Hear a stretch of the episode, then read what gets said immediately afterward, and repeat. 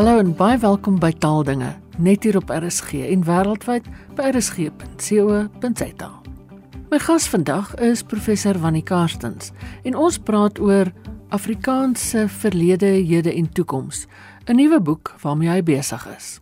Professor, so 'n paar jaar terug het die reuse storie van Afrikaans verskyn in twee dele. 1000 bladsye omtrent en dit is 'n omvattende geskiedenis van Afrikaans. Hoekom het dit nou nodig geword om storie te verkort? You know, dit is 'n baie goeie vraag. Ehm um, destyds toe ek en Prof Edith uh, Wright die boek begin skryf het, het ons 'n uh, verkort weergawe so van omtrent 400 500 bladsye in gedagte gehad. Maar soos ons met die navorsing begin het, het dit duidelik geword dat daar 'n ander gaping is. En die gaping is vir 'n meer oorkoepelende werk wat jy soveel as moontlik van die inligting van Afrikaans opneem. Nou uiteindelik na 6 jaar het ons die twee dik boeke gehad en saam is dit amper bykans 2000 bladsye met massas met massas ander uh bronne wat nog steeds op die op die internet beskikbaar is. So dit het so uiters omvattende werk geword, maar hy het eintlik maar twee probleme uh gegee. Nou die een voordeel is natuurlik dat hy uh in die mark is en mense gebruik hom en hy het baie goeie terugvoer gekry en ek en Prof Ida was nogal opgewonde daaroor. Dis wat jy graag as akademikus wil hê dat mense tevrede is met wat jy doen. Maar die twee probleme is hy's te groot Met ander woorde dik, baie baie bladsye vir mense om hom gemaklik rond te dra. En dan die tweede een is natuurlik die koste. 'n Boek boeke van daardie aard kos 'n geweldige klomp geld. So ons hoop dat die boeke baie deur die studente gebruik sou word onder andere het nie heeltemal gerealiseer nie en uh uiteindelik uh het ons besef daar is 'n ander behoefte in die mark. En dit is die behoefte aan 'n verkorte weergawe. Nou is dit nogal interessant Ina. Ons het begin met 'n korter weergawe. En na bykans 10 jaar kom ons terug weer by die korter weergawe. Maar dit lyk asof ons eers deur die dik proses moes werk. Die groot omvattende proses moet werk om uiteindelik by die kleiner weergawe te kom. So mense het soort van 'n sirkel geloop, een wat ek nie voorsien het nie, maar wat geloop het. So daar is 'n behoefte dus uit die mark uit en ek het dit veral gehoor vanaf uh dosente. Hulle soek 'n meer toeganklike bron vir die studente. Al die studente wil nie die detail lees wat in twee omslagtige bundels is nie. So uh 'n verkorte weergawe met meer toeganklik. En dan is daar natuurlik lede van die publiek wat ook vir my gesê het hulle sou graag meer wil lees, maar daai boeke is dan dik, hulle sien nie kans daarvoor nie. En uh So ons het toe besef dan moet 'n dunner een kom, maar aan die ander kant hy moet ook 'n ander skryfstyl hê en dit is meer wetenskaplik populêr. Hmm. Uh so dis nie hierdie gewone wetenskaplike styl nie, effens wetenskaplik populêr. Dit beteken eintlik dat jy minder afdelings het, jy minder direkte verwysings het ensovoorts. So you know dit is waar dit begin het. En soos Engelse sê, dis 'n tall order, hoor. Regtig, ek het nie gedink dit gaan so kompleks wees nie. Ja, want hoe gaan 'n mens te werk om daardie omvang, daardie hoeveelheid bladsye te verkort na 'n makliker weergawe toe? Ina, weet ek het uh, toe ek die ding beplan het, het gedink ag nee, dis maklik, ek gaan sit en skryf wat gaan gou klaar. Nou ja, en alle skryfwerk is dan niks maklik nie. Jy weet, mense beplan en dan dink jy hoe jy dit te werk gaan gaan, maar die praktyk is altyd altyd baie baie moeilik. So hier sit ek met bykans 2000 bladsye en dit moet in 4000 bladsye kom, maar te gelykertyd moet ek ook alle literatuur wat verskyn het sedert die vorige boeke gepubliseer is ook in ag neem. So dis eintlik 'n dubbele probleem. Hmm. Nou uh vir my dit gewoon beteken ek moet myself uithaal uit die konteks hierso. Ek sit in Suid-Afrika waar jy betrokke is by 'n magtom der menigte goeders en baie verpligtinge het. En toe was ek so gelukkig om 'n beurs te kry van die Taalunie. En toe kon ek vir 3 maande in België gaan sit in Gent, België. Dis verlede jaar van middel September tot middel Desember. En dit het gehelp want dit het my toe kans gegee om fokus te kry. Mm -hmm. En die fokus was om te sê hoe ek dit presies gaan doen en hoe ek dit gaan verpak. En Ina, dit het my bykans 'n maand geneem om hierdie duidelikheid te kry van wat moet in watter hoofstuk kom uh en wat nie. Wat is die presiese aanslag? Hoeveel bladsye per hoofstuk is moontlik? Ensovoorts. En natuurlik al die leeswerk. So, dis moeilike, moeilike, moeilike keuses. Uh, wat iemand op 'n stadium vir my gesê is daai die Engelse uitdrukking van kill your darlings. Want ja. onthou elke woord wat in daai twee boeke staan, het ek geskryf. En nou moet ek vir sommige van hulle sê, staan een kant ek het jou nie meer nodig nie. En dis verskriklik moeilik. So hier is eintlik 'n parafrase oefening, maar dit is 'n verkorte parafrase oefening. 'n Mens wonder soms op skool, hoekom doen jy parafrase?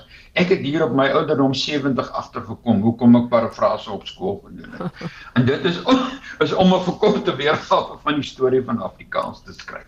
So, dis moeilike werk, hè? Ja. Ek dink dat die beeld wat in my kop kom is 'n sif waar mens met sif en sif en sif en net die groot klippies moet agterbly. Ina, dit is presies wat dit is en dit is wat die wonderlike voordeel van van Gent vir my was. Ek kon daarop een ding gaan fokus want fokus as jy boek skryf is fokus so ontsettend belangrik. Jy lees en jy het hierdie een ding in gedagte en dit is wat jou aandag gaan. As jy in die bus ry, dink jy, as jy trein ry, dink jy, as jy stap, dan dink jy daaraan. En dit was dit was nogal so lekker. So ek het alles letterlik in 'n sif gegooi en ek lees die oorspronklike hoofstukke en dan dink ek ek gaan baie gebruik.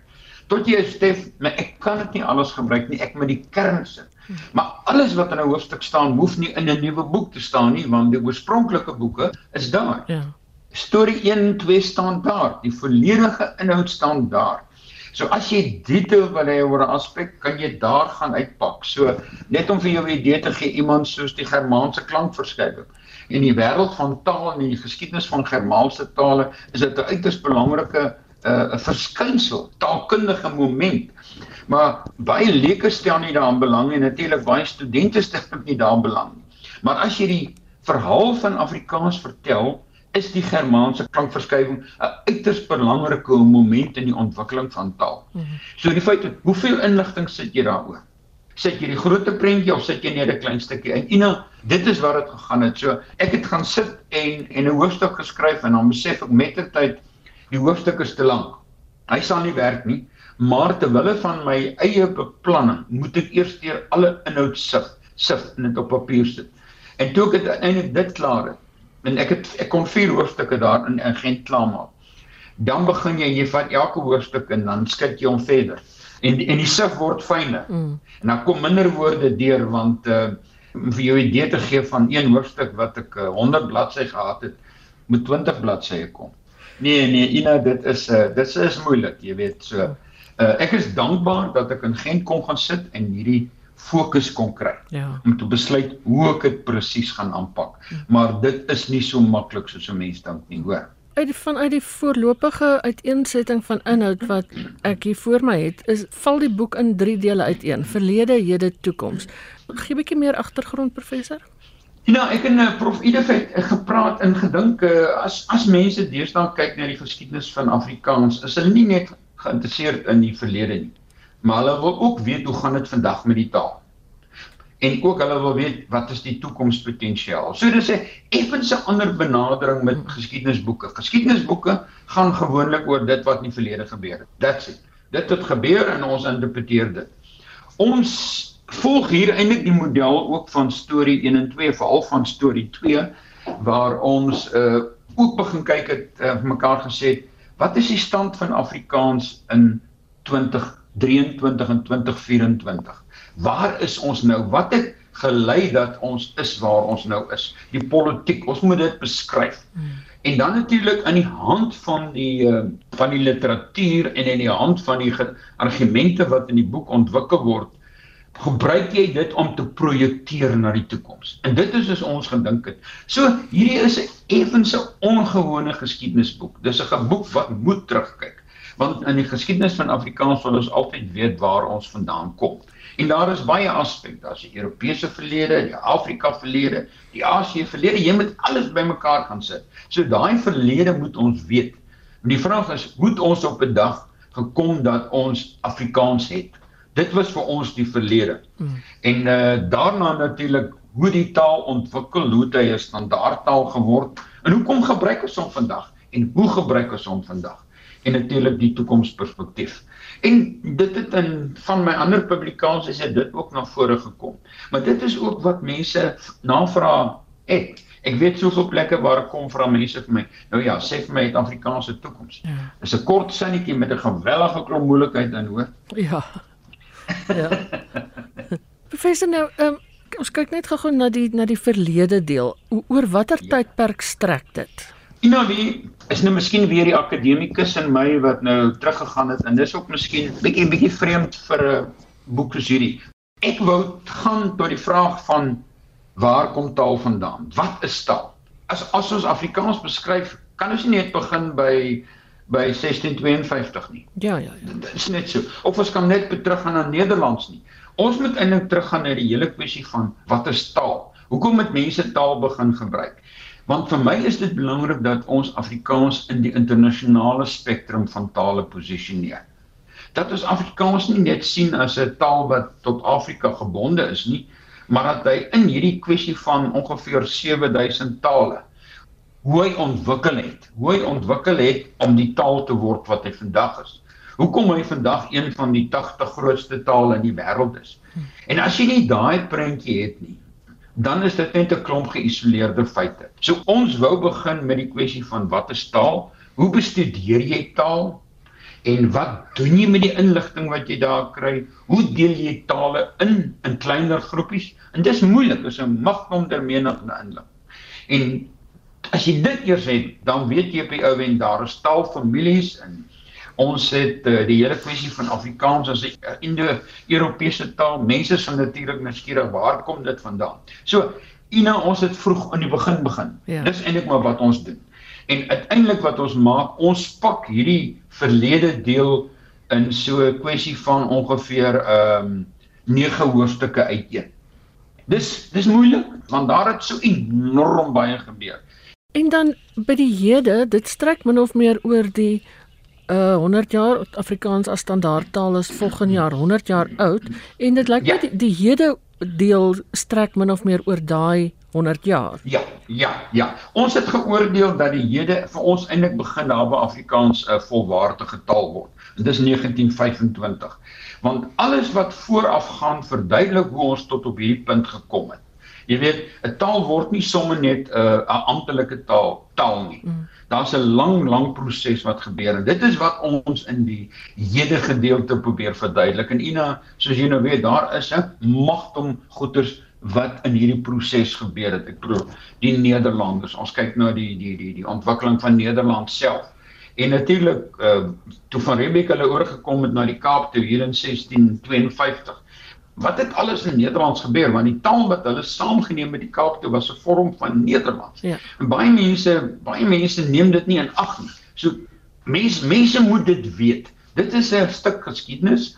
Maar ons probeer dit vereenvoudig vertel dat die mense sê hulle verval nie daarin nie, maar hulle moet verstaan dat daardie verwantskap tussen Afrikaans en Nederlands baie baie duidelik is.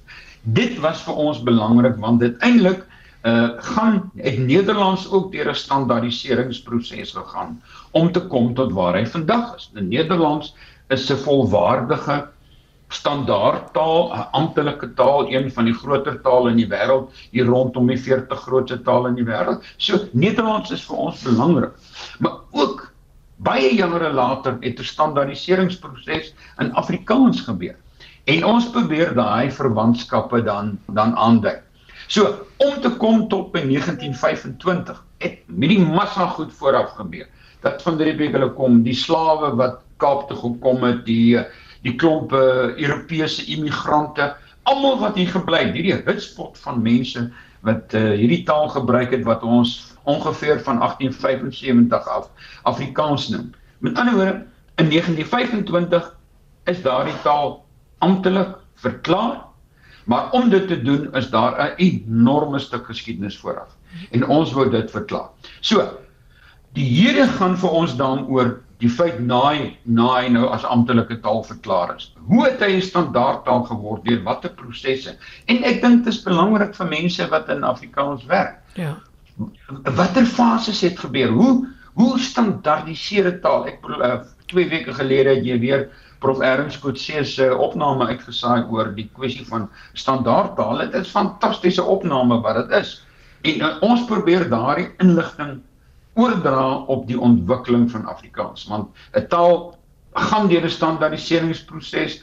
Dit beteken jy verwerf funksies en daardie funksies is van 'n skooltaal tot uiteindelik 'n wetenskapstaal. Ek en jy het aan die verlede al gepraat oor die funksies en jy weet hoe bekommerd ek is as 'n as Afrikaanse funksie is 'n wetenskapstaal verloor ja. en en dit is 'n feit ons is besig om dit te gebeur ja. en die vraag is wat doen ons daarin dit gaan ons in later hoofstukke aan natuurlik bietjie aandag aan gee en dan natuurlik wat is die infrastruktuur? Die infrastrukture, ek het jy ook daaroor gepraat, is ja. die mense wat die taal gebruik, die aantal mense wat die taal gebruik, die instellings uh soos die WAT, die universiteite, skole waar die taal gebruik word. Met ander woorde, daar is 'n ondersteunende struktuur wat dit moontlik maak dat dat die taal gebruik word. En dan is daar die massas organisasies wat elkeen iets van Afrikaans doen, die Afrikaanse Taalraad, die ATKV, die FAK, die akademie. Almal speel 'n belangrike rol om vir Afrikaanse infrastruktuur te gee. Aan die ander woorde, dit is wat die mense wat die taal gebruik die geleentheid gee juis om daardie taal met vrymoedigheid te gebruik. Vir ons is dit ook belangrik dat ons moet kyk na die verskeidenheid ja. van Afrikaans. Want daar was soveel gesprekke oor standaard, nie standaard ensovoorts. Maar wat maak ons met Afrikaanse verskeidenheid? Ons moet dit beskryf. En ek en jy het verlede jaar ook al gepraat oor Provaria. Ja. Hier is presies waar Provaria bymekaar kom. Ek is nogal verskriklik opgewonde in hierdie hoofstuk. Maar ek gee myself net 15 bladsye hierna. Dis daai daai om dit in te pak. Maar ek het baie van hierdie inligting reeds in storie opgeneem. En dan natuurlik Afrikaanse politiek. Mm. Die kwessie van na 76 van 48 76 94 alles belangrike datums in in die sweer waarin Afrikaans ontwikkel het.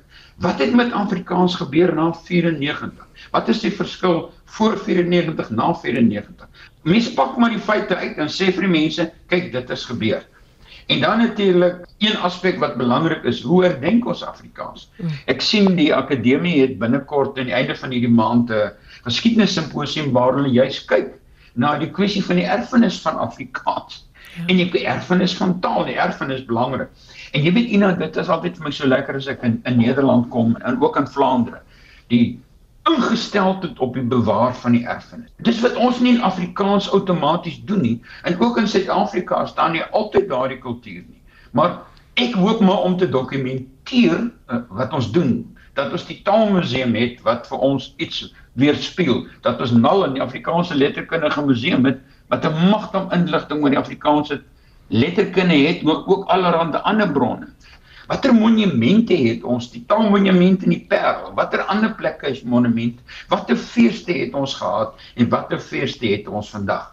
So en nou jy kan sien dis 'n 100 jaar van groot belang. Ja. En dit is juis hierdie 100 jaar wat wat volgende jaar gevier word. En dit maak dit nogal belangrik dat ons dit weet want 'n taal wat deur hierdie proses gaan is 'n besondere taal mm. want hy gaan moeisaam daardeur maar dan bereik het en dan kry jy die voorreg om na 100 jaar terug te kyk en te sê kyk ek het gekruip en nou hardloop ek al. En dis wat ons nou probeer deurgee in die, in hierdie kwessie van die hede sodat die mense dit begryp. Ons het in hierdie 100 jaar letterlik van 'n babetaal na 'n wetenskapstaal taal geword. Dat mense dit weet. Ja. Ek dink dit gee jou selfvertroue, né? Dit maak jou ook trots op jou taal. Absoluut. Professor en dan waarskynlik die moeilike deel, die kristalbal van die toekoms. Ja, you know, uh, ek het nou al 'n klompie artikels daaroor geskryf en ook 'n storie daaroor, maar dit is 'n kristalbal. Al wat jy het is letterlik die literatuur. Wat sê die literatuur gaan met die toekoms van tale gebeur? Want uh, ons het in die verlede ook gepraat soos prof Japstein altyd gesê daar is 'n hele klompie kriteria wat bydra tot die groei of die kwyn van 'n taal. Ja. En jy vat daardie uh, literatuurpunte en jy meet dit aan die statistiek van die taal. En dan kyk jy groei ons of kwyn ons? En as jy kwyn dan begin jy vir jouself sê, nou wat moet ek maak om dit teen te werk? Watter projekte het ons dit gedoen? Hmm. Nou een aspek hier ontsettend belangrik is as ons ooit weer 'n geskiedenis van Afrikaans vertel, moet dit 'n inklusiewe geskiedenis wees. En dis vir my so belangrik dat in hierdie toekoms perspektief moet ons seker maak dat inklusiwiteit en die oordra van die geskiedenis van Afrikaans eintlik ononderhandelbaar is. Maar jy kyk na literatuur en jy kyk na wat in rondom jou gebeur en jy sit dit bymekaar en jy hoop jy hoop daar is 'n pad vorentoe hierna. Dis al wat 'n mens kan doen. Ja, ja. Professor nou van wie my eie belangstelling sal ek sê elke mens behoort hierdie boek te hê, maar wie sou hom kon gebruik? Op wie sy gemik? Hy is gemik op op op studente wat ons natuurlik baie bly sal wees. Dis die eerste een. Natuurlik ook lede van die publiek. En dit is hoekom ons hom meer na populêr wetenskaplik wil skryf.